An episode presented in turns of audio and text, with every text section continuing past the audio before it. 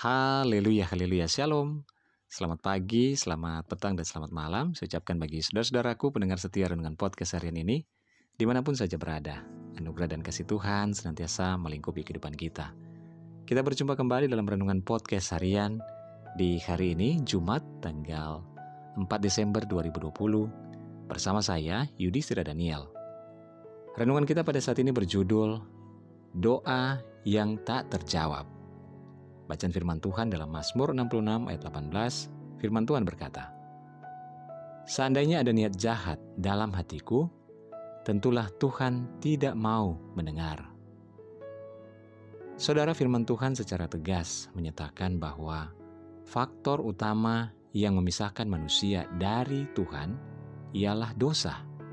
Yesaya 55, Yesaya 59 ayat 1 dan 2. Sebaliknya, kekudusan justrulah yang mendatangkan atau mendekatkan manusia dengan Tuhan. Sebab Tuhan yang kita sembah adalah Tuhan yang Maha Kudus. Firman Tuhan berkata bahwa tanpa kekudusan tidak seorang pun akan melihat Allah. Inilah yang kurang disadari oleh kebanyakan orang Kristen. Sehingga ketika doa-doanya tidak terjawab, di mana hal pertama yang mereka lakukan adalah langsung menyalahkan Tuhan Saudara, janganlah sekali-kali kita menyalahkan Tuhan. Banyak faktor yang membuat doa-doa kita tidak dijawab oleh Tuhan. Faktor utamanya adalah dosa dan kesalahan kita. Karena itu, kita harus mengkoreksi diri terlebih dahulu sebelum mengkomplain, menyalahkan Tuhan. Ayat Nats di atas ini adalah pernyataan luar biasa dari Daud, seorang raja yang mempunyai persekutuan yang karib dengan Tuhan. Karena begitu dekat dengan Tuhan, maka Daud tahu benar apa yang menjadi kemauan dan kehendak Tuhan dalam kehidupannya. Dia berkata, "Kalau ada niat jahat dalam hatiku, tentulah Tuhan tidak mendengarkan doanya, apalagi menjawab doanya." Padahal itu hanya sebatas niat di dalam hati sebelum diwujudkan melalui sebuah tindakan. Oleh sebab itu, saudara, kita harus mengetahui kita sadar dan mengkoreksi diri. Tuhan kita adalah Tuhan yang setia, juga berlimpah dengan kemurahan.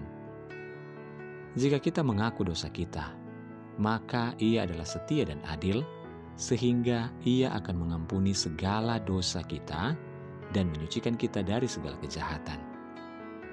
Sekalipun dosamu merah seperti kermisi, akan menjadi putih seperti salju dan sekalipun berwarna merah seperti kain kesumba, akan menjadi putih seperti bulu domba. Kesalahanmu menghalangi semua ini, dan dosamu menghambat yang baik daripadamu. Oleh sebab itu, bertobatlah dan jalinlah hubungan baik dengan Tuhan. Cintailah Tuhan lebih dari segalanya. Haleluya. Mari kita berdoa. Tuhan Yesus, terima kasih buat firman-Mu pada hari ini. Kami bersyukur ya Tuhan, dan kami memohon ampun setiap dosa dan pelanggaran kami, agar setiap doa-doa kami tidak terhalang oleh karena dosa dan pelanggaran kami Tuhan. Terima kasih Bapak yang percaya, saat kami datang memohon ampun, maka pengampunan dari Tuhan terjadi atas kami. Terima kasih Bapak. Kami serahkan saat ini kehidupan kami, seluruh pendengar setia renungan podcast harian ini, di mana pun saja berada, baik yang ada di Indonesia, di mancanegara Tuhan kau memberkati. Yang dalam bergumul sakit Tuhan jamah sembuhkan. Yang dalam kebimbangan, kesusahan Tuhan tolong berikan jalan keluar. Dan juga yang sedang bersedih, bersusah hati bahkan berduka. Tuhan penghiburan yang daripada Tuhan menjadi bagian setiap kami. Terima kasih Tuhan berkati setiap rumah tangga yang ada, orang tua, anak, istri, dan suami, Tuhan kiranya memberkati. Terpuji nama Bapa dalam nama Yesus kami berdoa dan bersyukur. Haleluya. Amin. Puji Tuhan saudara, tetaplah bersemangat. Mulailah setiap hari kita dengan baca dan merenungkan firman Tuhan. Hiduplah dalam ketaatan dan ucapan syukur kepadanya. Tuhan Yesus memberkati.